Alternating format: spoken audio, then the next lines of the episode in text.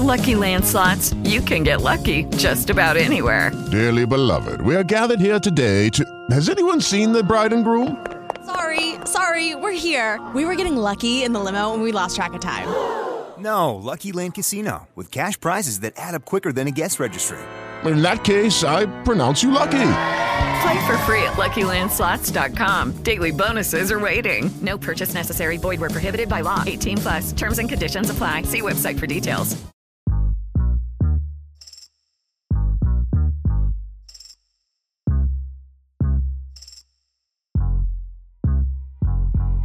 Welcome to Bites and Bits on the Sonar Network, a deliciously cheeky podcast where the worlds of food and comedy collide. Hosted by two professional comedians, that's us. This podcast invites you to share a meal as we talk about food, comedy, and everything in between. I'm Matt Malin.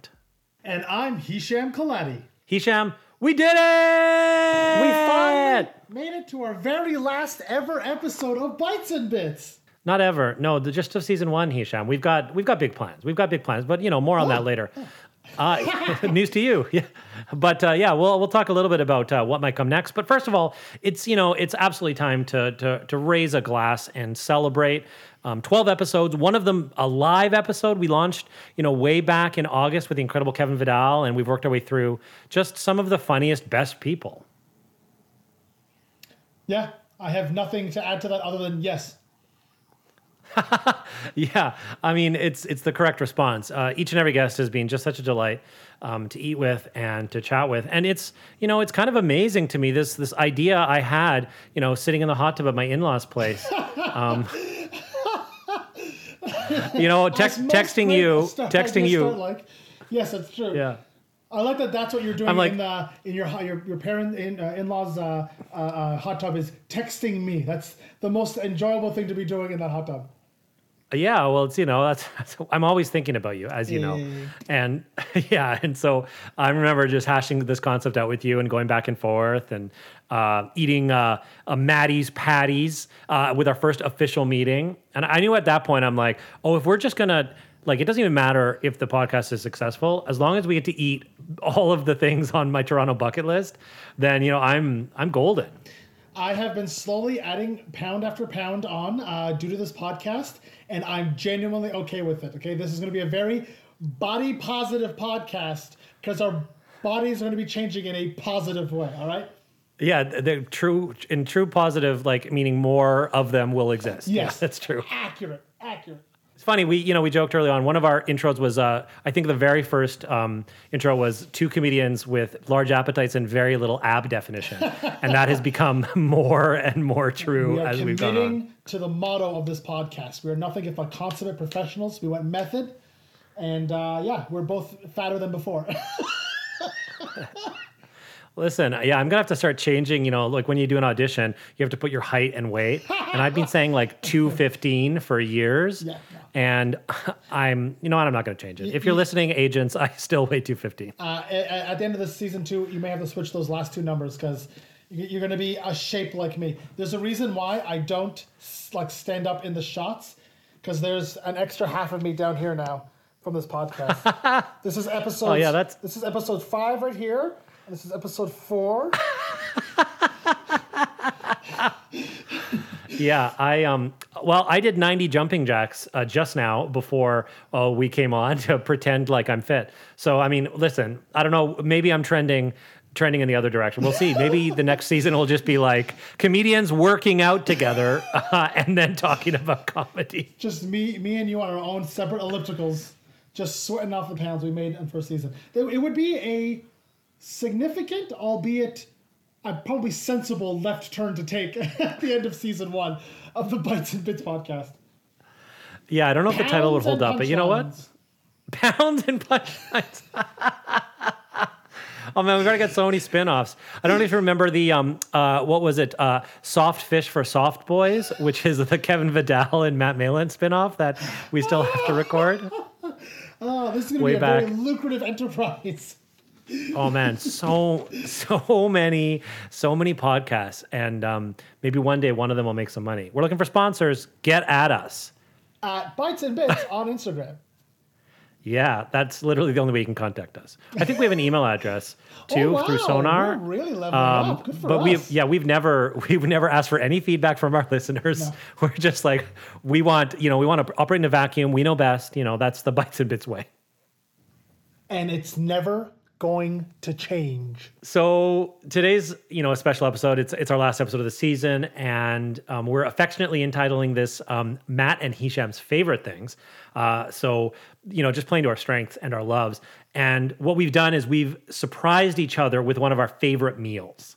So I'm super hungry. I want to get right into some first bites.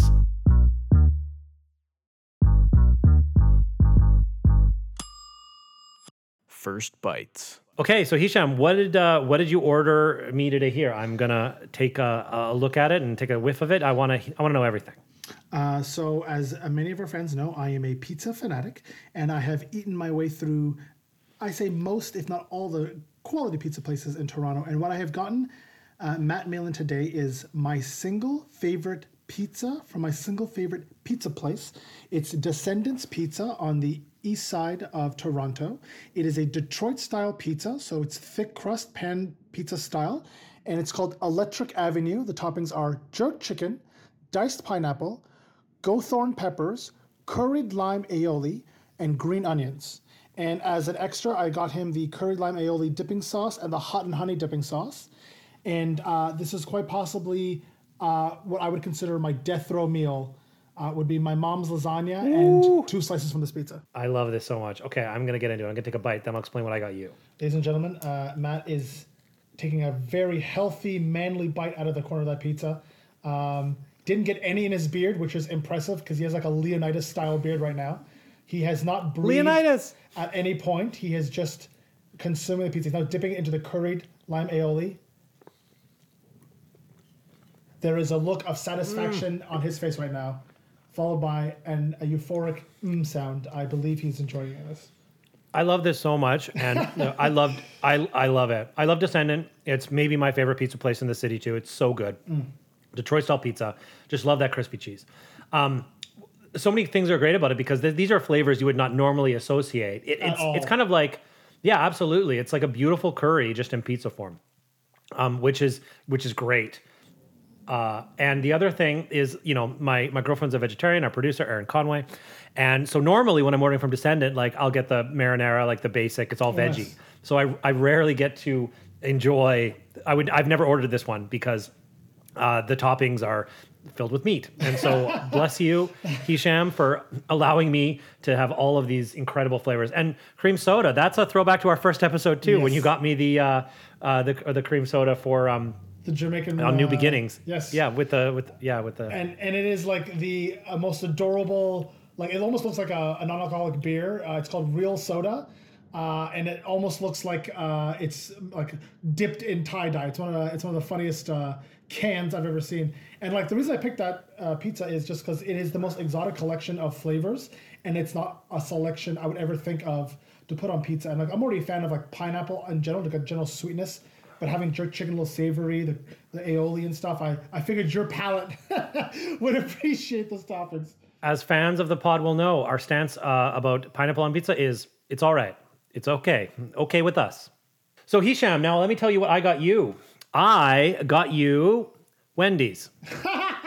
Take a couple bites here. I got you this. This this is not just Wendy's. Wendy's is my favorite fast food place. Like in terms of lowbrow uh, fast food, I think they make a delicious uh, burger. Like the value to me is super high. In fact, I even have a, a, a fun rating system for food with my friends and we do it out of Wendy's. So it's one out of Wendy's. It's it's it's the scale is uh, one to Wendy's, one through nine, and then Wendy's. And Wendy's out of Wendy's is uh, is the best you can get. So if, you, if you're Wendy's out of Wendy's, that means your food is amazing. That's uh, our um, our editor Ryan Sheedy knows this scale well. And this meal that I got you specifically is the same meal I've ordered for the last 15 years. I order the exact same thing every time. I get a spicy chicken burger with um, small fries and a junior bacon cheeseburger. Normally, I get extra pickles, but there's no pickles on yours because I know how you feel about that. I also ordered you a Sprite. Uh, normally, I go with a bottle of a bottle of water, and I don't know why. I, I'm not. I don't drink pop very often, so normally it's a bottle of water for me or nothing at all. But in your case, uh, I ordered Sprite because when I first started ordering this drink, when I was like, or this meal, when I was like a teenager, th- I probably would have ordered a Sprite. So there you have it. Off the bat, fantastic. Uh, I am.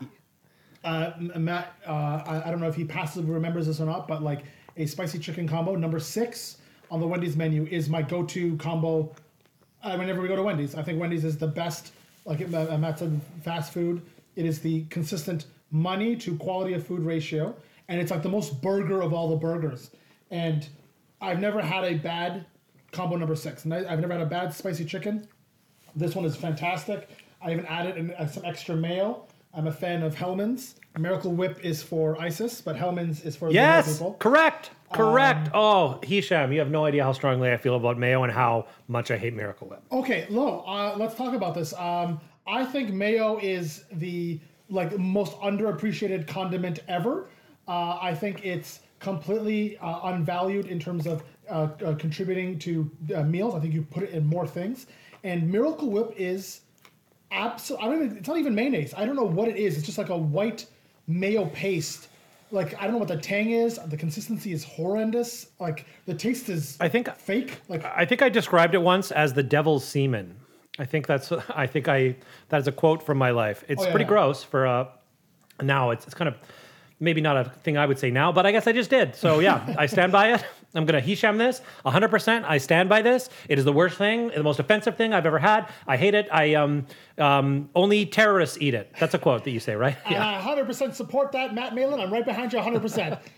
Uh, and like I, and like, you know, and as children, we don't know any better. And my mom gets us Miracle Whip because she just assumes it's mayonnaise because she sees it in commercials. It's completely outside the scope of our East African uh, cuisine. But like going to a friend's house and trying like quality, actual like Hellmann style mayonnaise, and I'm like, we never went back. I it was like 10 year old Hisham just chubby with a big afro and his corduroy pants, having a family discussion with my two sisters and my mom, trying to explain to them that we've been glued to the tyranny of Miracle Whip and that there's, there was so much more. And our family has been better for it since.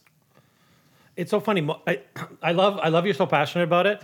People like a lot of you know, a lot of my friends who aren't white are be like mayonnaise is like just white people food. Like it's just like this is white people are obsessed with it. So this is so validating, Hisham, that you're also just as obsessed with it. It's not just like my like Franco Germanic roots No. where like this this this must be put on everything. This is the corniest thing, I'll, I'll admit, but like as a kid, you know, um, I, I didn't really have necessarily an older sibling or family members that like knew, you know, like Western culture. So I, I never got like, uh, you know, the albums when they came out or movies when they came out. Uh, you know, someone had to explain to me what Indiana Jones was. Like it was like a whole thing. But um, I remember literally renting Pulp Fiction uh, from the library back when it was still VHS. Okay, like this is an Ottawa library, so DVDs Yes. were a thing until like the early 2010s. But I got Pulp Fiction on VHS, and in like the first 20 minutes, like my mind is exploding. Like I'm like I'm 13, um, I, everything's blowing my mind. But the one thing I took away from that movie was that they explained Jules and you know Vern, uh, Samuel Jackson, and John Travolta, John Travolta, explaining yeah, yeah. that people in the Netherlands instead of using ketchup as the condiment for their fries, use mayonnaise. And like that's when I feel like Fat Hisham became like fully actualized. And like I've never used ketchup on like like uh, um, uh, uh, fries since at all. Like it's 100% mayo, and it's a point of contention in my home because uh, unfortunately for me, my partner Chelsea is the furthest away from being a mayonnaise fan. Okay, like she is the exact. It, it, it is everything in terms of food that she hates: the consistency, the taste, the smell. Um, so I have to put this in the bottom drawer where people usually leave their vegetables. I leave the mayonnaise, but he is my best friend, and I love him so much. This is where episode twelve is going, right here. This is where this is going, right here. You know, I I love uh, I love your girlfriend. I love Chelsea, but she's dead to me now. So that's. She's one of the sweetest, most lovely humans. Love to perform with her. Very talented. Uh, just a just a light. She lights up the room, but she is now dead to me. So I concur. Um, I w- I'm too busy chewing and laughing to appreciate what Matt said, but yes, I concur. Uh, so I thought that we get into it, you know, talking about some of our favorite things. I want to talk about some of our favorite food memories, uh, foods, the dishes that we've had, you know, not just on the podcast necessarily, but just in our lifetimes. If there's moments, I know, you know, for me, when I think about food memories, the first thing that comes to mind is breakfast at my Oma's table. Nice. And I've talked a little bit about my Oma in the, the podcast. She was an incredible cook. Uh, she's this huge German lady. She was short but huge. Um, like she was just like literally a circle. Um, she was so amazing.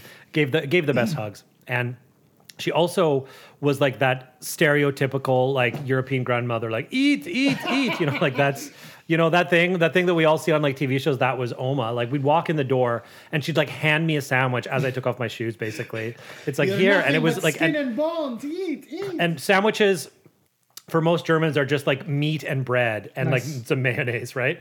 That's it. She's like, here you go, no vegetables on there, just eat. And for breakfast, it was an incredible thing. I love these breakfasts because it totally upended what I thought breakfast could be. You know, growing up eh, suburban Calgary, it was like cereal. Um, and I was allergic to milk, so literally I would put orange juice in my cereal, which was just awful to this day. It just it gives me shivers to think about like what a terrible combo that was. You brush your teeth, right? And then you have orange juice and cereal. Like every morning, I'm like, this sucks. For years, I just disregarded breakfast. Or maybe you would have like toast and peanut butter or something, or like yogurt or whatever. You know, there's a few different sort of iterations, but all of these um, all of these foods were just not they weren't my my vibe right and so cut to my grandma's place so what what what breakfast is at, at my opa and oma's house is a, a- just like a table laden with food nice. There'd be hard boiled eggs. There would be so much different types of sliced meat on the table. And I didn't realize this is the thing you could do. You could just have, you know, toast and then put a piece of meat on it and some cheese and eat that. And that could be your breakfast. I was like, it blew my mind that like cold cuts and pieces of cheese and then jams and jellies that she made. And like all of these incredible, you also could have cereal if you wanted. There was cereal, but not with not milk. There was like cream. And for whatever reason, like cream and ice cream for me, didn't hurt my stomach as much. So like I would have like half and half in my cereal. I would just have like all of these meats. It was it was absolutely mind blowing. And like for a meal that I just was like, no, forget about it.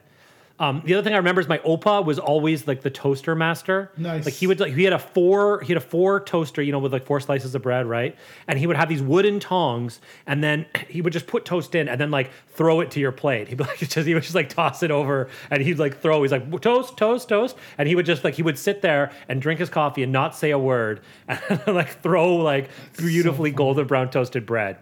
And so for a kid who just grew up like hating breakfast, going to my grandma's was such a rare treat. I honestly, I feel like if you put out this question to most of our fans or guests, I think it would honestly always come back to like uh, family meals because like I'm the exact same way. There's nothing more satisfying than having like a proper like Kelati breakfast dinner combo because like lunch was kind of just like whatever was in the fridge, whatever you could kind of ha- ham up together. But like breakfast was one of three things. It was either egg omelet, which I was always in charge of uh, as a child up until I moved out. Because one time we went to a, um, a like the uh, a really fancy like kind of um, I don't know what you call it. I wouldn't say necessarily a buffet, but like you go to different stations and people would make food for you. And I watched the guy make like the most proper omelet possible. A little bit of milk. He does like the flip, puts the lid on, it gets it all fluffy. And I just started making them for myself. And just like at 10 years old, just trying to recreate in the kitchen. And I remember one time I nailed it perfectly. and My mom had tasted it, and like as soon as you can make a dish in the house, it's your dish, so it becomes your responsibility. So like there's 10-year-old me being forced awake because we have gasha, like guests coming over for breakfast, and my mom's like, quickly, make three omelets. And it's just me and my Star Trek pajamas just making omelets while they have like coffee in the living room.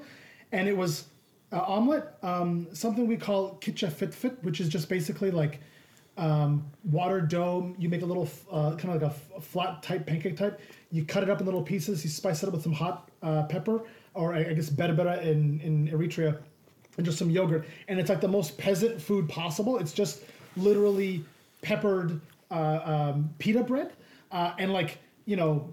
It, looking back, it's just it's peasant food. It's just something very basic. You, have a, a little bit of wheat, a little bit of water. You can kind of like make the bare minimum. Just literally, you're putting hot spices on to add a flavor.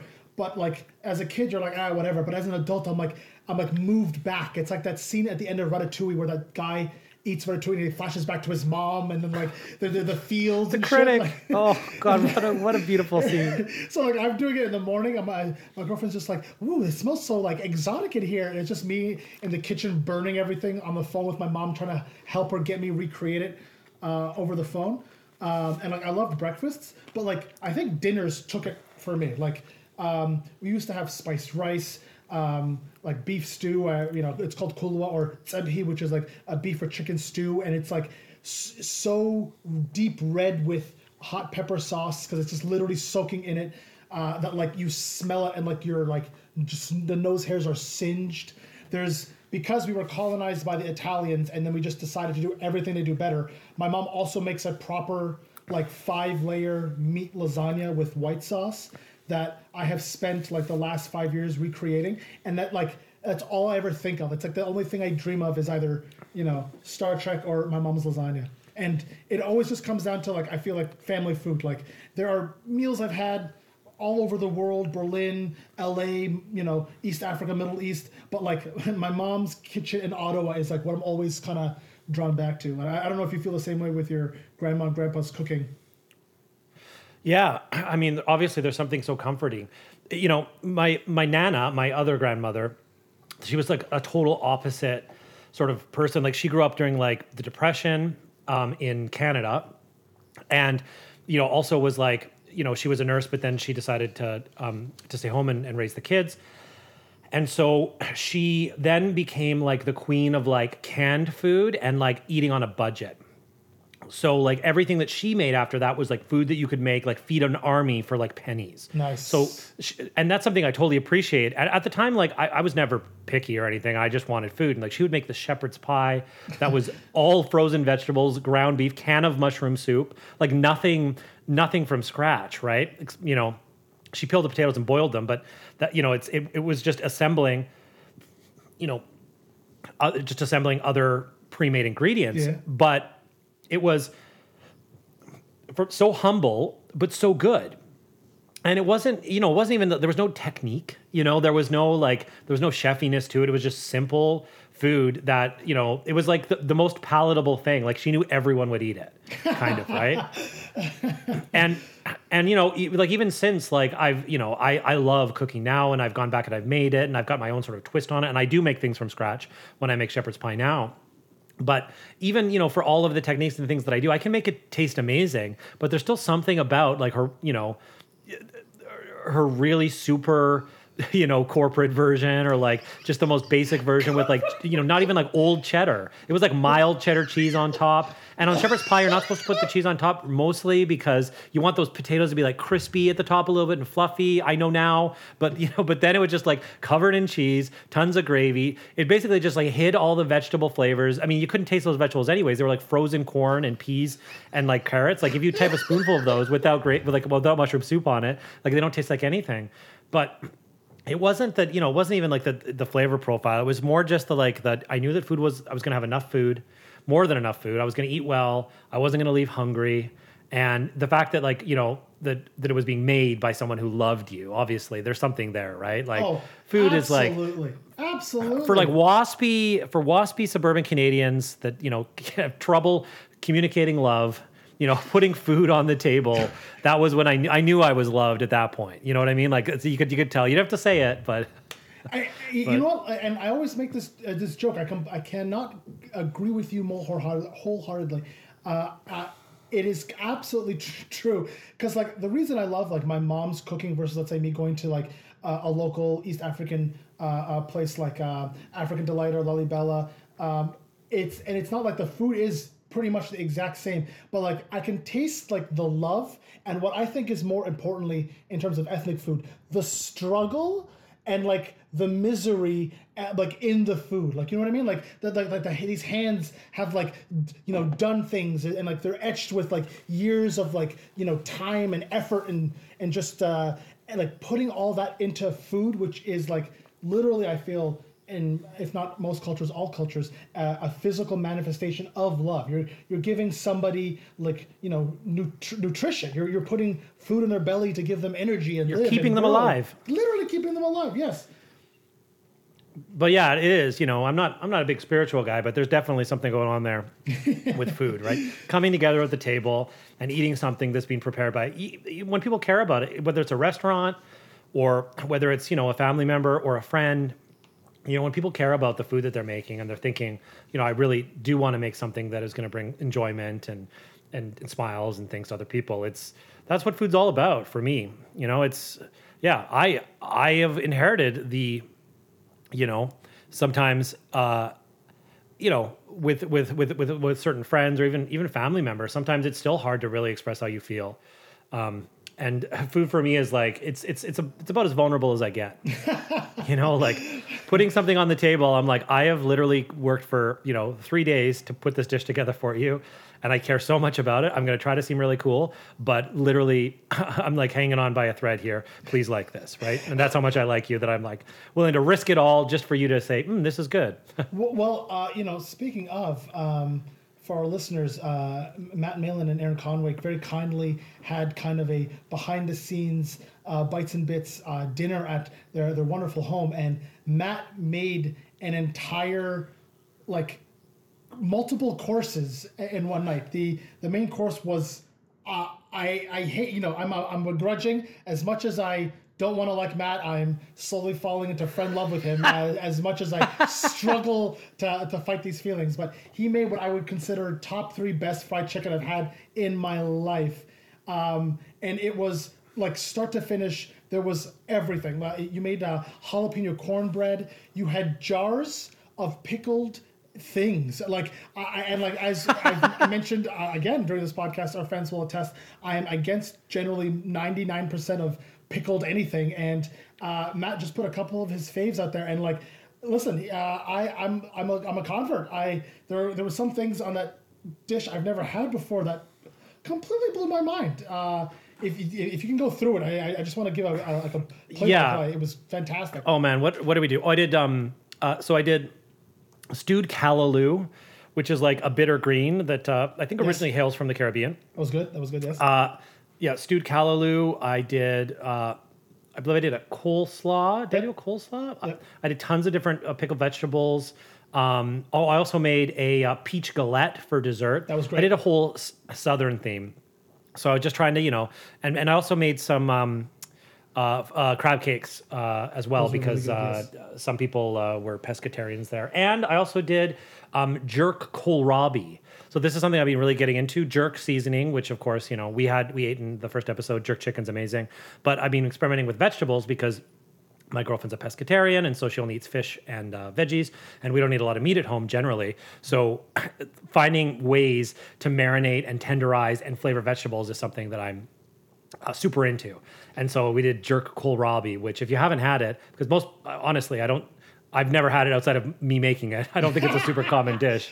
But it's listen throw throw some meat marinade onto veggies man. Let's get into it. Vegetables have so much ability to suck up flavor and can be so many different textures. The same true. way that you marinate meat the same care that people take I, I say give vegetables that same care. They absolutely deserve it. And the results are both surprising and delicious. And I, I will attest as a, a man who took many plates that night um, it, it was absolutely fantastic. But watching you cook was like like beautiful. It was like you actually put effort into it. We were outside just shooting this shit literally just like this podcast. And he has like a little mini deep fryer. And the man is taking effort. Like he's bre- he's breading it he's doing it. He's making sure every inch of that chicken is literally deep fried to perfection. Uh, the food was absolutely fantastic. And like it, it was proof i think of what you'd been saying on the podcast of like you were you know you put some effort into this and you were like feeding you know your your producer your sound guy your writer your co-host uh, and it was fantastic i could taste the love inside and it broke me it was that good of a meal guys I uh, I love that. I love that. I'm glad that you are now broken, and that's that's really my goal. Like I, I you know I eat at, I eat at restaurants and I love it, but when when I eat a restaurant, I, I I I take the time, I think about it, and then I take those flavors home, and then I'm like, I want to make that, and ideally, I want to make it better. And so for me, you know, um, when I'm choosing restaurants nowadays, like I want to go to places I can't cook you know. And mostly like fried chicken is something I can cook, but it takes so much effort. It's it really is like it's a dish that requires 24 hours between the marinating. You got to get your deep fryer out. You know, there's there's so many different pieces. It's a very laborious meal. You know, um, and so I'll you know I'll go for a fried chicken, or I'll go you know I want to go eat like eat like at an East African place because I don't know those flavor combinations. You know, um, the the sour bread, what's that called? The Injera. the thin injera, right? Yeah, inj- I don't know how to make injera. You know, and so that's something that you know I crave those types of flavors and things, and even like you know like like barbacoa you know, going for tacos with like lamb that has been stewing for like all day long, right? With like a specific flavor mix. Like I'm, I'm, I'm, I'm, you know, I'm, I'm, I'm drawn now as a as someone that likes to eat out, trying to find places that are like just flavors I've ever had, or something like Wendy's, because I'm never going to make a Wendy's burger at home. I can make a great burger, but I'm ne- oh. I, am not going to be able to make that. They've, they've got that so standardized, right? So this is this is where it flip flops. It's either like super lowbrow or like you know something that's outside, like something that's novel or you know occasionally when i really you know if i uh, if i book a big commercial and i'm like we're going out tonight maybe maybe something like spectacularly fine dining where where chefs are like you know the high end chefs are really taking it to like food techniques and levels that i just can't even dream of without you know all that equipment See, and and uh, that's what I, I feel like I lean more towards because, like eh, like you said, you can basically make most of what anyone cooks for you outside anywhere at home. Uh, the recipes are online. You can put your your spin on it. But sometimes I just want to be fed the best possible version of this food by someone who is the best possible person to cook this. And like my my like my Yeah. thing is like listen, I can get sushi at like some of the best Japanese places in Toronto. You know, a lot of these chefs and, and, and places are fantastic. But like, there's a guy uh, I've, I've recently rewatched this documentary. It's one of my favorite ones. Jiro Dreams of Sushi about like a Michelin star sushi chef who owns the best sushi place in Japan in like his equivalent of like Bathurst subway station. And I'm like, that is what I'm not gonna get sushi anywhere, but like that's what I want to eat. I want to eat something from a man who's mastered or is as close to being a master in this field as possible. Because like, you know, I'm assuming you wouldn't go eat sushi because uh, you could probably make it at home from scratch. Well, I mean, sushi's another one. The the thing is, sushi is so simple but so complicated, mm. right? It's both those things, you know. And sushi has just as much to do. It probably the, the biggest part of sushi is the sourcing of ingredients, right? Because it's literally just putting a piece of fish on a plate, right? There's no seasoning. There's no, you know, there's there are, you know, there's accoutrements. You know, you got the the wasabi, you got the ginger, but at its core, sushi is just a piece of raw fish on a plate. And in order to make that thing delicious, you need to know your suppliers. You need to trust, you literally trust the fishermen that are going and getting that done, right? Every step of the way has to treat that fish with so much respect. And honestly, I don't have you know, I don't have a connection to like a, a Japanese fish supplier that I trust. I, there, there's Ontario, you know, there's Ontario fish you can eat sushi. Um, mackerel being one of them. I love mackerel, and I've I've prepared that uh, as as sashimi, just like pieces of fish. And you know, I've also, you know, every good fishmonger will have, you know, sushi grade ahi tuna in there, and probably salmon as well. Um, ocean fish uh, tend to have less parasites, which is why they're usually used for for sushi. But you know, you can you can do those things. But even when I make it, like I'm the pieces are not beautiful. I, my knives aren't sharp enough. The cuts aren't precise, and all of those things. I mean, th- there's something. It's something like to be a sushi chef for the first ten years when you work in that restaurant, you don't even touch a piece of fish. Like you're, you're you're not even picking up a knife really. Like you're learning all these other things. From my understanding, it's such a such a revered profession, mm. and so I don't. You know, I, I'm I don't have ten years of like training in a sushi restaurant. So I imagine sushi is one of those things on the list that like yeah, for the rest of my life, I will probably be craving it from a restaurant. That's something that I don't think I'll ever really master, and I'm okay with that. When I like I, I I grew up, you went out, you went out and you wanted to eat something that you knew you weren't going to waste. Like it wasn't be a waste of money or or time. So like my uncle, every time we go to eat out, always gets chicken alfredo because it's his favorite dish. And he's like, I love it. And if I go everywhere, they can't fuck up a chicken alfredo. And it's like, you can make it at Fair. home. He's like, yes, but they can make it for me, and it's my favorite dish, and I know they won't fuck it up. So I've, I never get it. It was either burger and fries or some kind of like rice, protein, and vegetables. Like, you know, even if I went to Kelsey's, it would just be a slightly more exotic burger. You know what I mean?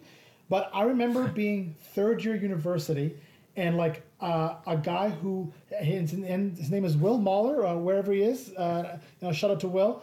Uh, he was a very kind of quiet, introverted dude in my program, and then like less and less of us were making it through because people were just dropping out because you know pre med is hard, and uh, he was one of the few black people who was left. I remember one time, it was after class, uh, and he just came up. He's like, "Hey man, do you want to like grab a bite to eat sometime?" I'm like, "Yeah, sure, why not?"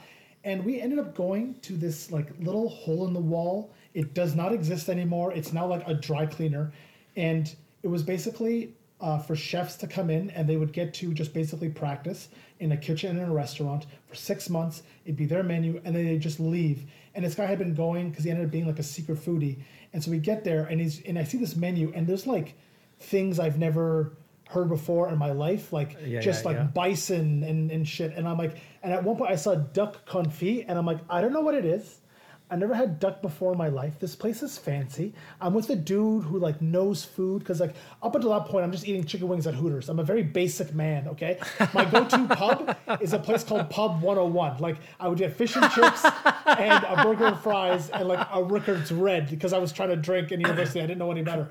So I'm like, and I went and I'm like duck confit, and then he uh, he he um, got me. Um, I don't know what it's called. I don't want to say it's Amarillo, but it's like an almond uh, tasting like liqueur, and like it matched with this almond cake that came at the end of it. Like it was a three course meal. I had like squash and like a, like a, asparagus and some kind of like spice and like like taste buds unlocked, and like that was my thing of like okay, if I step out slightly outside of my comfort zone like i can get this like magical experience i can level up but then i only stick to like still like things like okay i'll get duck if i go to a place but i won't ever experiment like like try alligator and then like that's just for me i'm like that's how i broke out of the mold and started to you know i eat like steaks now medium well instead of just completely well i'm, I'm you know i'm trying to like loosen up a little but for for you to tell me that you would actually go to a restaurant and be like, I don't know what that is, give it to me. It just seems like such, like I, I, don't know, like what hap- what happens if it sucks? Then, then you just spent like fifty bucks on an entree you didn't like. Yeah. But then you know. Yeah. But like you know, the thing is, I'm not batting hundred on this. Or wait, I always do that. That's really bad. I'm not batting a thousand on this. Uh, you know, like I've gone to places, but I've also gone to places and ordered a burger and fries, and that burger's been garbage. You know what I mean? So it's every time you go out to a restaurant, especially if you've never eaten there, you're rolling the dice. That's the way that I see it. And if that I try, if I try an ingredient or if I try like a meal that I love, that's a huge win. You know, I've got this rule I'll try anything twice because the first time I might have had a bad experience for factors I couldn't control.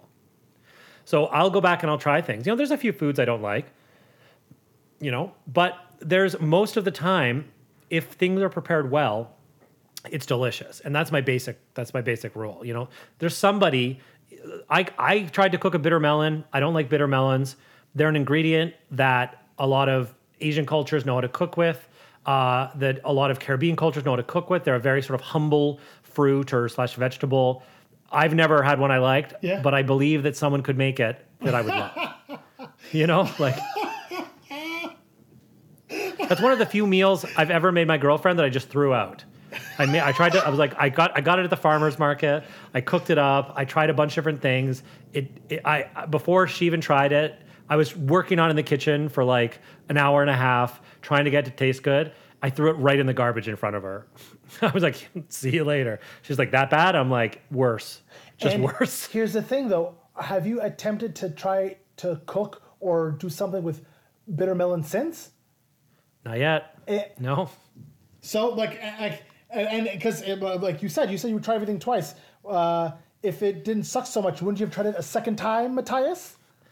Well, listen, I guess I'm uh, literally eating my own words here a little bit, but uh, you know what? It's the life is life is long, Hisham, and uh, may, maybe next time I'll try it on you. Maybe uh, maybe next time you come over for dinner, I will I will figure out how to do bitter melon. I've read a lot about it. Apparently, you need to thin slice it and add uh, lots of like sour and onions, and uh, if you fry it, it can be delicious. So, I'm not I haven't given up on it. It's literally it haunts me. It haunts me to this day. And uh, maybe one day I will make it properly and I will get that uh, that ghost off my back. That's a saying, right? The ghost on your back. Me and Mel and Matt are going to take a quick break. please go get another one of your favorite bites and join us back here in a moment.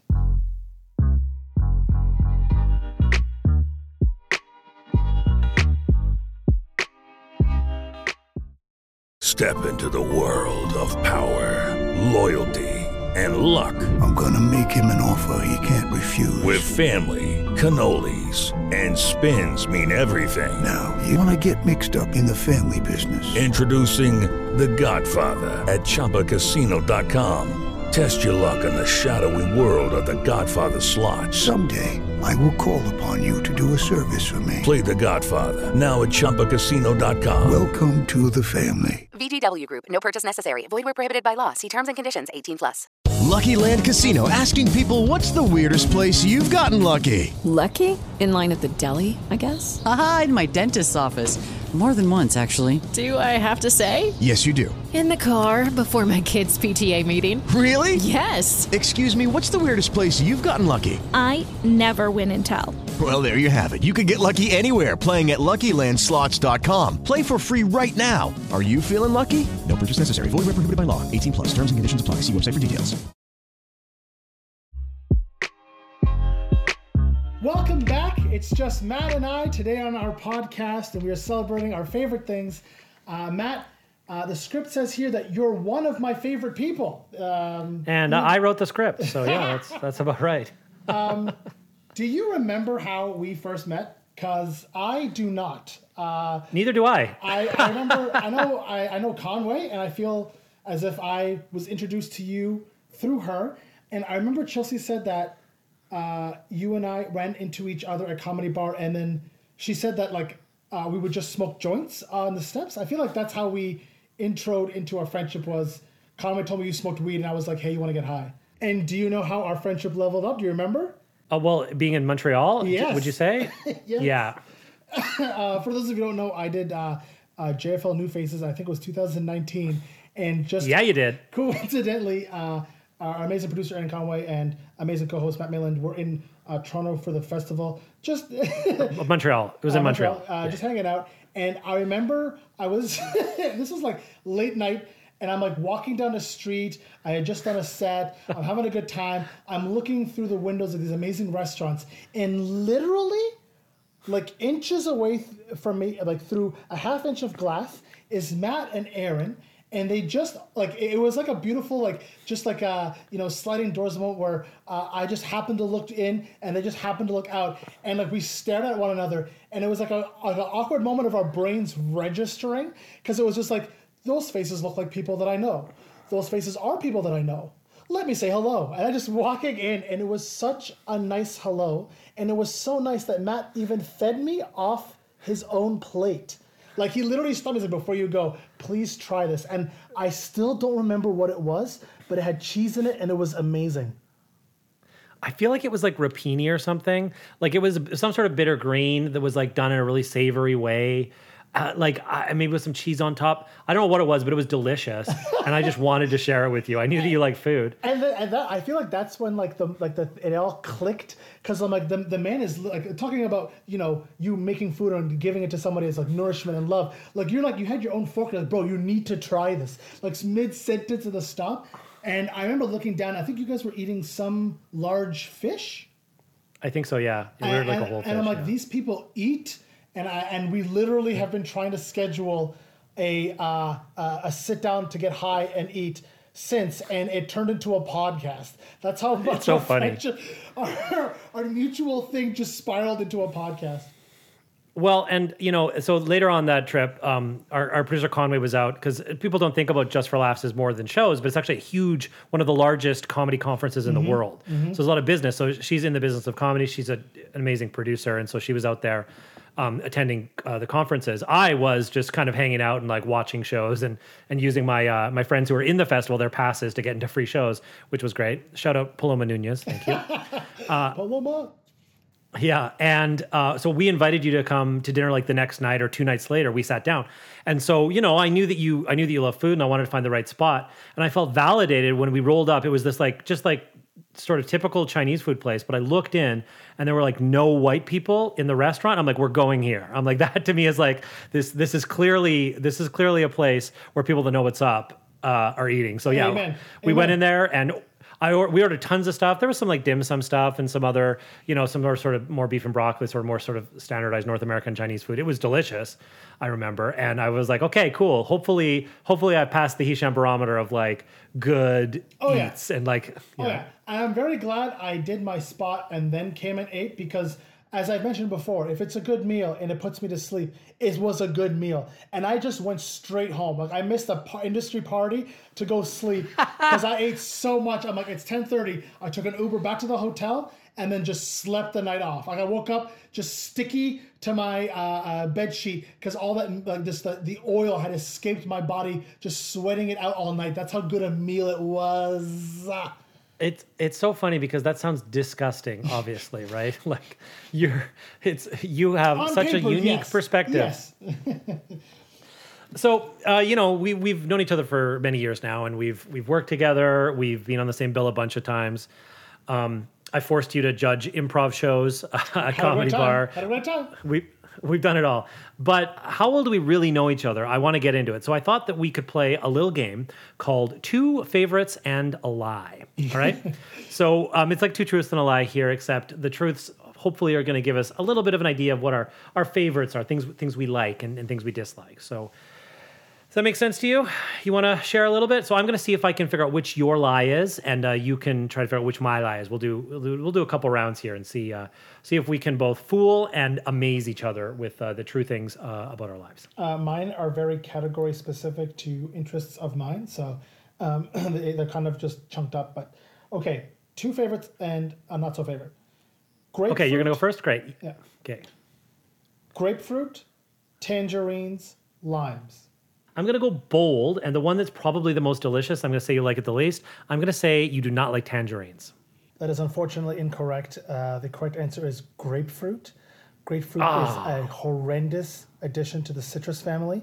Uh, my grandmother, on multiple occasions, used to trick me, telling me it was a piece of orange and it was a grapefruit, and I was just a very sad, angry child. I hate grapefruits. That's out of those three, grapefruit is probably my favorite.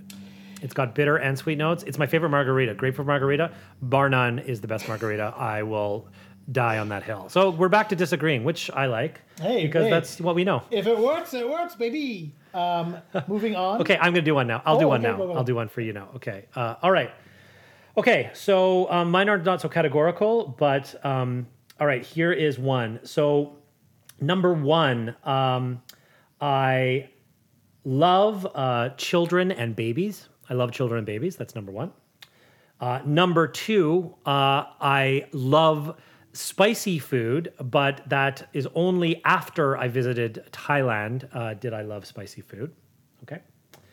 And uh, number three is that I love reading cookbooks. Cannot get enough. You would be an absolute piece of shit if you didn't love babies and children.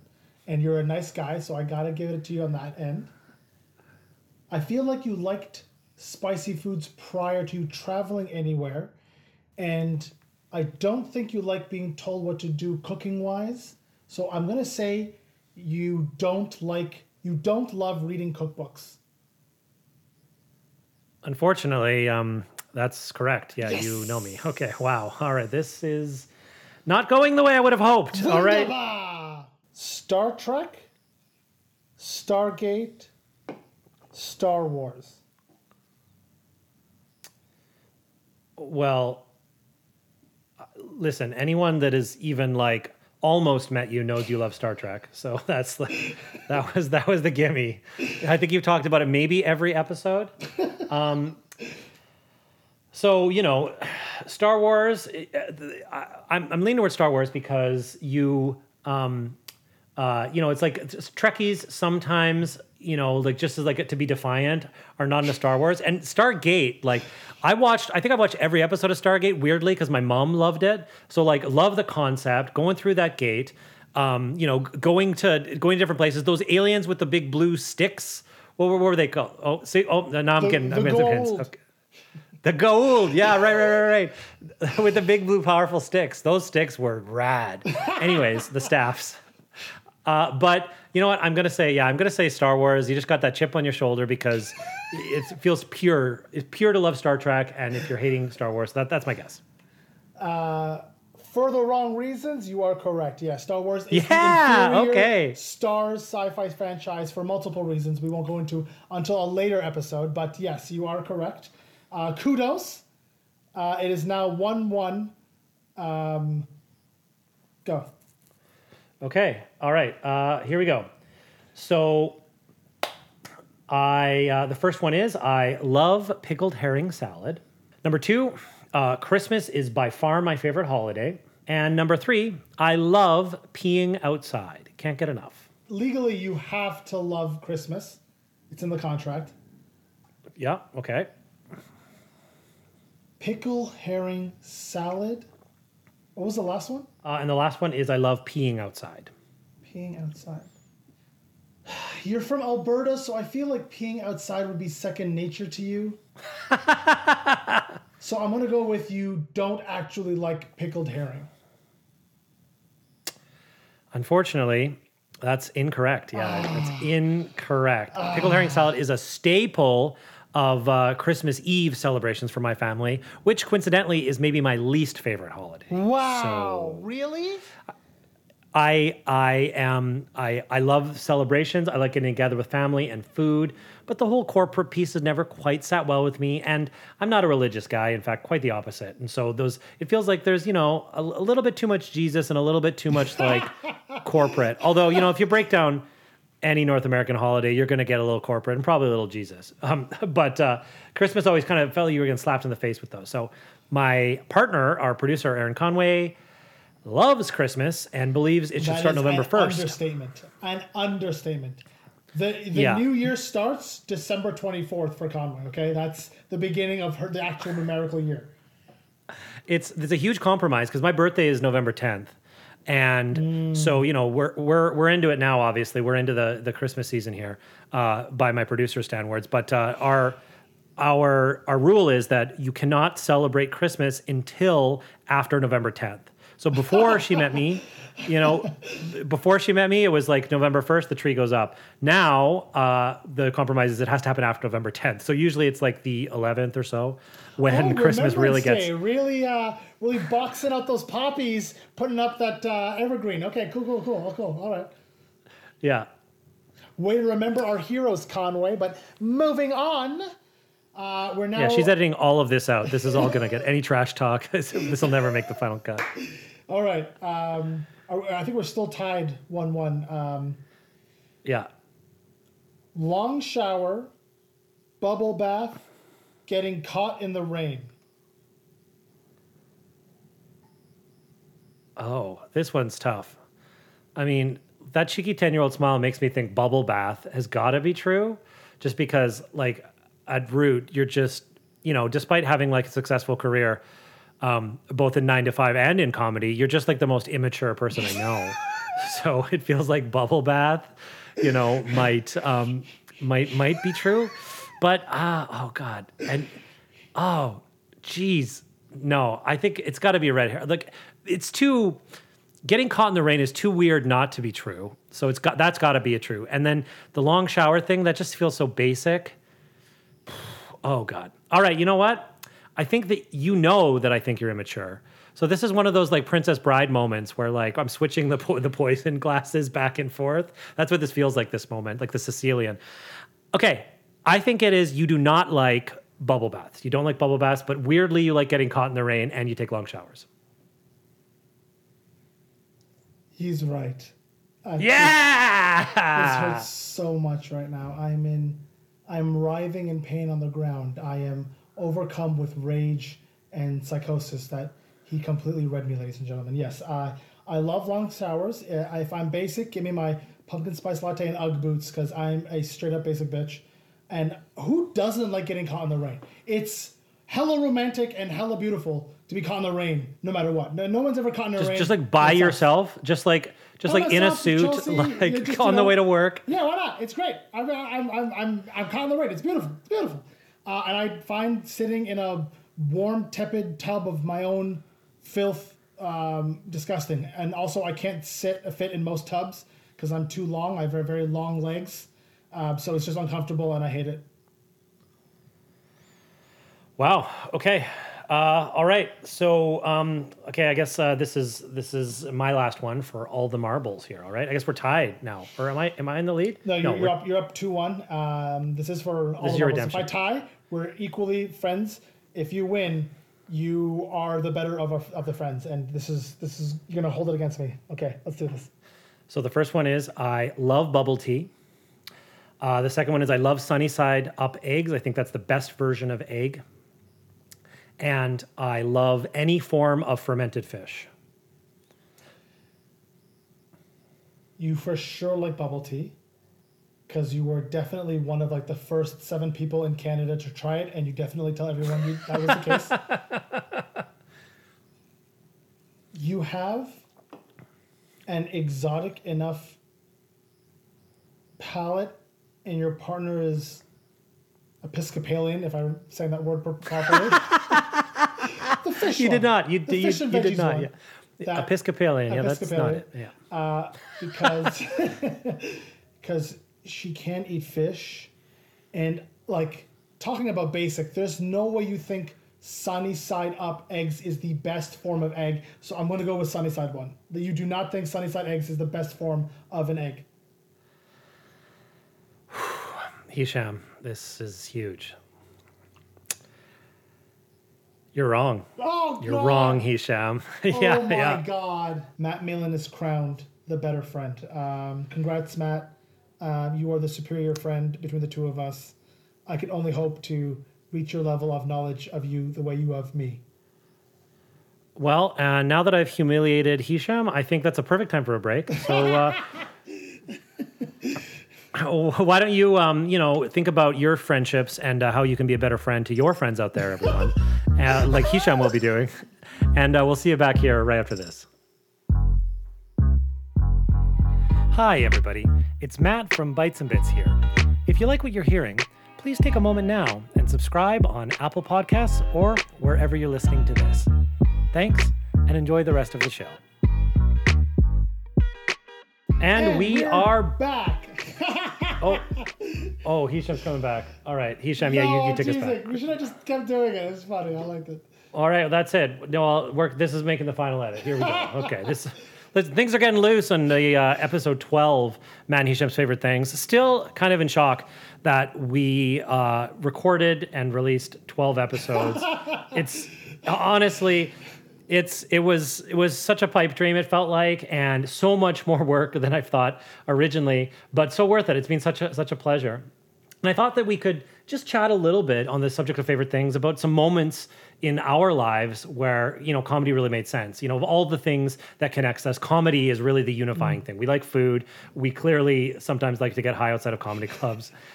And, you know, we're both nerds. Like there's we're dating women that are better than us. Like that's clear, you know. So we have a few we have a few things in common, but comedy is really the unifying thing. So I thought we should talk about some moments in our lives um, that that that made an impact. And and I know for me, one moment that stands so clearly, maybe the moment that I fell in love with improv. It was really early for me before I'd chosen comedy as a career, but I was in university at the University of Calgary and.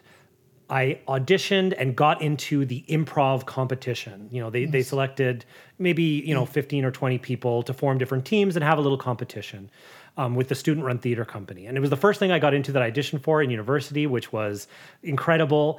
And we did a genre scene. And this is a classic improv game where throughout the scene, you know, a scene will progress. And at a certain point in time, the director calls out a different genre, you know. So we go from, you know, there's romantic comedy or, you know, at the time, porno would be something that was called out a lot. That we've, we've luckily the, the industry has matured since then. But so we're doing a scene and I, you know, 18 years old, very young, uh, 17 maybe even actually at the time. And we're doing the scene where I was in a, a car accident um, with um, my father. That was the setup for the scene. And so because, you know, I really wanted to go for it, I and hated the audience apparently, I, I, I created a scene where I was sitting in a chair, like on the ground. So my legs were kind of in the air, sitting in a chair. And both of us had that. And there was other chairs kind of on top of us. We built like what kind of looked like a car crash scene. So the scene started right after the accident.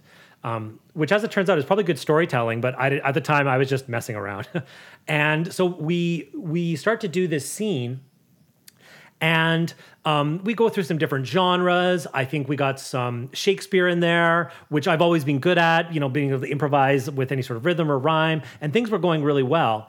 But then there was a moment in the scene where things shifted and we became like adversaries. And I think it was like Star Wars music came on, and he was he was my father, and I was the son, and we were doing thumb wrestling. So I I, I lifted up um, my left hand, and I was doing a thumb wrestle. He had gotten out of the car wreck, uh, like a good performer who wanted the audience to see him. And I, like a bad performer, was like still laying on the ground basically with chairs all top of me. We start to do a thumb wrestle, and then someone yells out action. And the theme song from The Matrix, when he goes into the bank, came on just at that moment. And The Matrix was still very hot. This is early 2000s. And so, so the, the Matrix theme songs come on. So I, I'm grabbing his hand with my left hand. With my right arm, uh, the song comes on, and I recklessly, as hard as I could, push the chair up into the air on top of me, I, like thrust it up, and the chair probably goes like 15 feet in the air, like r- rotating around. Right now, I would never do that because that's so dangerous. I could have put on an audience member or another performer, but at the time I was like 17. I wasn't thinking, so I threw the chair up. At the same time, I rolled backwards and ended up not letting go of his hand and was able to put his hand like behind his arm, like he was being arrested. You know what I mean? Like I was able to twist his arm behind his back without breaking contact and put him in a hold like I've, I've got you, I'm taking you in. And that exact moment when I get to my feet, the chair lands perfectly upright in the center of the stage. Nice. And at that moment, I, you know, I said, I, I said something. I had a blow line. I don't even know what the blow line was, but before the blow line even happened, the audience was like standing ovation. They were like screaming. They're like, ah, right. And you know, we got a perfect five out of five. We we won. We won the improv competition based on this moment, and it was just this moment. And I don't know if I've ever experienced it, or maybe not as purely, but it's like the improv gods Mm. were shining down. You know what I mean? And it just it just it showed me that like sometimes in this like incredibly like like difficult and risky art form, things can go perfectly. And I think maybe in some ways I've been chasing that dragon ever since. What about you? You got, you got you got you got a moment in your career or, or something you witnessed that was like pure magic and uh, showed you that you were a, a, a true champion of your art form like me. Uh, true champion of art form. Uh, you know what? We're getting business I don't know what I'm cards with that. No, no, no, no. I'm committing. I'm on board. We're getting business cards, getting T-shirts. Check out uh, Bites and Bits on Instagram. We're getting merch coming out in a couple of months. It'll be out for the podcast. Um, um, so as you know, um, a couple podcasts ago, we we talked to uh, Matt and my friend Noah, uh, who is a comedian in Berlin, and um, my my my beautiful, amazing, definitely better than me, uh, out of my league girlfriend Chelsea. Uh, like I think maybe six or seven months into us dating, uh, with, with with her luck, signed on for one of those like contests uh, for two for an all expenses paid trip to Germany's wine country in Heidelberg. And she signed up for it, and three months later, we were in Heidelberg. We were like, we had just like, we had just said I love you, and they're like, yeah. Uh, also, do you want to go on like a all expenses uh, four night uh, uh, vacation to Berlin? I was like, yes. And so we went, and it was beautiful. We did a boat tour. Uh, we went to the gardens. We we drank and and, and ate our way through uh, uh, Berlin. It was fantastic. And like she was like crashed done by like ten. There wasn't much to do unless you know we were in you know possibly wanted to go to a sex club or a late night illegal casino, which is what Berlin is after like eleven thirty. Uh, but uh, because I was desperate as a comedian, I wanted to try to do a spot internationally. I'd only ever done comedy in Toronto up maybe up like up to like maybe two or three years at that point. And you know, you got as a stand-up comedian, you always got your hot five and hot seven uh, ready to go anytime. You, if, Mhm. if you know you're ever in an elevator with Lorne Michaels, you got five minutes to tell him a joke, you know, kind of a thing. and so it's a you know it's a new new comedian, uh, you know, post Humber mentality. And I'm being Berlin. I asked some friends and. Uh, like we talked with Noah, there is a huge, huge English language community there, and like a very thriving uh, stand-up comedy uh, a scene, Yeah, yeah, uh, yeah. and improv and sketching as well. And like I was, I reached out to a bunch of contacts. I, I said, you know, I'm from Toronto, would love to do spots, and like, um, it's a very small community, and there are a lot of shows, but not that many comedians. And like, you know, Hmm. a, a lot of comedians, uh, uh, um, we would consider, uh, you know, like a packed. You know, there's 80 people in this bar watching this show, like tickets them is like an open mic. Like it's, it's not even something that not necessarily they're working out bits instead of kind of like trying to really showcase their stuff. And like I'm blown away at like this is the most amount of people I've ever seen in one room. They're all here for comedy. Everyone's like reading from a joke book. Like where's everyone's showcase? Don't they understand? Like Lorne Michaels may be here. You may get a TV show. Like I'm like I'm blown away by like the, the not the lack of professionalism, but just the nonchalantness. Because like my Toronto standards is amazing. You know, I'd ask for a spot. They're like, yeah, Toronto, you're up in five. And like I remember walking on stage, and like I get something different from comedy. Um, I like just conquering the idea of getting any kind of like emotional uh, um, fulfillment from performing is non-existent. I just like being better than everybody else.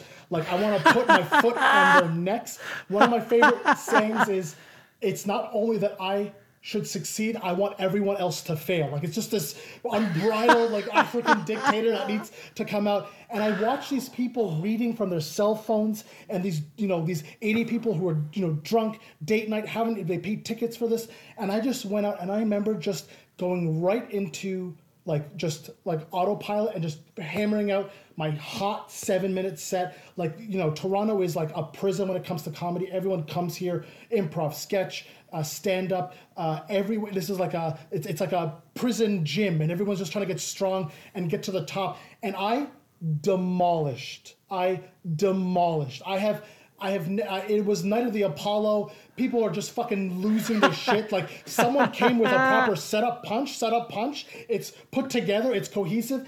And I watched these comedians, these artists who are struggling to chase their dream. I saw fucking sadness in their eyes, and I have never felt more powerful. And I got spot after spot for the next four nights. Chelsea came out. And like people were like, "Hey, look, it's Toronto," because like that's how they knew me. I was just this random Yeah, dude yeah, in a yeah. cardigan. And the last show, Chelsea's been watching this, and she's like telling me, she's like, just try some new stuff. They're all sad, like you can't because it's the same people at mic after mic. And I remember we were leaving the last show. I did like my best joke. We, uh, we were gonna go get dinner and watch an opera. This was just like it was nothing at this one. It was just me itching a scratch that I needed to get out. The same like twenty comedians just showing up, being like, "Oh, he's here." I'm like, "Yes, you you you weak little cucks! Like I'm about to destroy you." I remember Chelsea was like, just do you, do one of your like mom jokes, and I just I did like a little fun thing. There was improv. It was spectacular. Three shitty comedians. I went up, absolutely brought the house down. It's the most fulfilling ever. I'm walking out with my girlfriend. Everyone's just staring at us. People are clapping and waving. The comedians are absolutely miserable. I remember this one lady stopped me. She's like, you know, I've always wanted to come to Toronto, like like uh you know uh, there are there like professionals like you there like who, who do this every night? I'm like i'm actually an amateur comedian. I'm i'm considered average by toronto standards. And like for sure i left and she just went and like looked up nursing programs in berlin. Like i completely devastated these people. For them to find out like this guy doesn't even give a shit. Like we're, we're trying here. That to me like i always tap into that. If i bomb if i have to go do a three hour show if i just ever need to like the harry potter moment where he he's um, you know expecto patronum and he's thinking that happy spot it's just me looking at a bunch of sad faced germans just giving up on art that was that's that's my like core comedy like driving passion Yeah, well, I guess there's always going to be Berlin for you. When when eventually Toronto kicks you to the curb, Sham, you can just go be the king of Berlin comedy. oh buddy god willing You know, we do this what's on your plate, and I just wanted to expand that a little bit further. Not just, you know, what's coming up in the immediate future, you know, hopefully we've got some, you know, celebrations, you know, it's that time of year where hopefully you're getting together friends and family, things like that. Maybe taking a little pause. But um, more than that, you know, just in, in terms of comedy or just your your future, is there anything that you're looking forward to, or or maybe just some some hopes and dreams that you have? Uh, hopes and dreams i love that do you Listen, have any of those left? Uh, I've got specifically two, one of which will happen uh, sometime uh, just before the new year that will be shared uh, eventually. Uh, and then the second one is it has been the number one plan of me getting into comedy since day one. Every year, every project, every ladder, rung up on that ladder is culminating, God willing, inshallah, with me dying on an episode of Star Trek. That's the only reason I've gotten into uh, uh, comedy whatsoever. Starting in Second City classes uh, to doing road gigs out to Prince Edward County to doing comedy in Berlin. I just want to be the dude who gets sucked out of the side of a starship, just that look of shock and then fear and then death in a red shirt. Uh, and if once, if and when that happens, I will retire the heavyweight champion of comedy. That's it. Never again. so I'm gonna just put the mic down I- and leave. Well, you couldn't have known this when you moved to Toronto, but now that's where they shoot Star Trek. So you are in, you're in the right city. Oh, that's where Star Trek, yeah. all the all, all the modern Star Treks are filmed. You do need an agent, which I know you have told me that you never want to get, except for a writing agent. So uh, you might have to be flexible about that. We'll get you, we'll get you an acting agent. If you're listening Listen, right I'm now, on board. acting I'm agents, board. get this guy on Star Trek. Get this guy on Star Trek. I, I'm adorable. I'm I can be multiracial. I can fit any checkbox you guys need. I have a large forehead to be Klingon. Anything you guys want, I'm here. Yeah, he is all of those things. He is all of those things. Yeah, I could. I mean, I, I picture him in a red shirt dying all the time. I just want, I just want you guys to non-Star know Trek that. related reasons. How about you, Maddie? What, what, what you got Oh. cooking? Both literally Yeah, and right? metaphorically. Well, you know, um, something that I've committed to is any time that there is a chance for home cooks to apply uh, to food television shows, uh, that's something that I'm doing. I've I've committed to it. I'm in the process of doing it. So I would love uh, to be in you know some show like like Chopped or Wall of Chefs or you know any one of those those things where I get to like compete with other home cooks that are as like obsessively passionate about food as I am.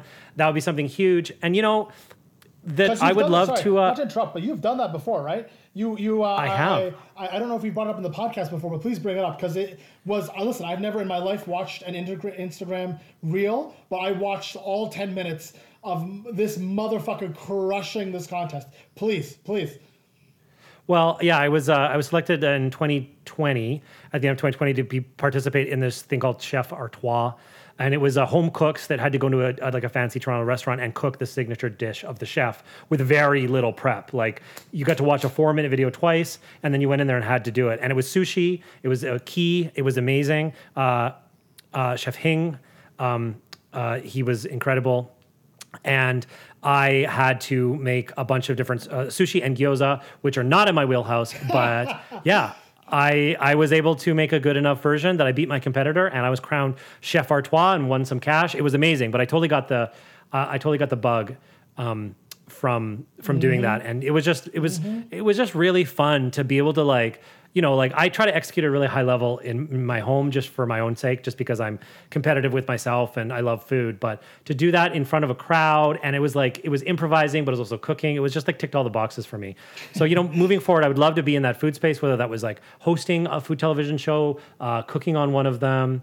You know that's something that definitely uh, I'm trying to put out there to the universe because that would be uh, a real dream. So yeah, if uh, if you're casting, uh, we, we're looking for agents, we're looking for casting directors, everybody. Just you know, we're here, we're ready, and if you listen to the podcast, we're occasionally funny. So I think I think we're uh, we're the dream. We're any we're any casting agent's dream. Basically, is, is what I'm saying. Ebony and Ivory, baby. Let's do this. That's it. That's it. It's uh, a title of our first album and a title of our title of our memoir and how we will be referred to on set. Also, please. Forever. Thank you. forever. Uh, what what a dream. You know, this this year has been so much fun. Uh, this season has been incredible. All the people that have helped us out, you know, from uh, from our the incredible team at Sonar. You know, we got to give shout outs to them. Uh, to the We folks at Apple so Podcasts that yeah. The, for, for like uh, the, the the folks at uh, Apple Podcasts who featured us for the first two weeks of our of our year and made us uh, as a result the number one food podcast in Canada when we launched. Uh, that it was just so incredible. You know, our producer Erin Conway. We can't say enough nice things about her.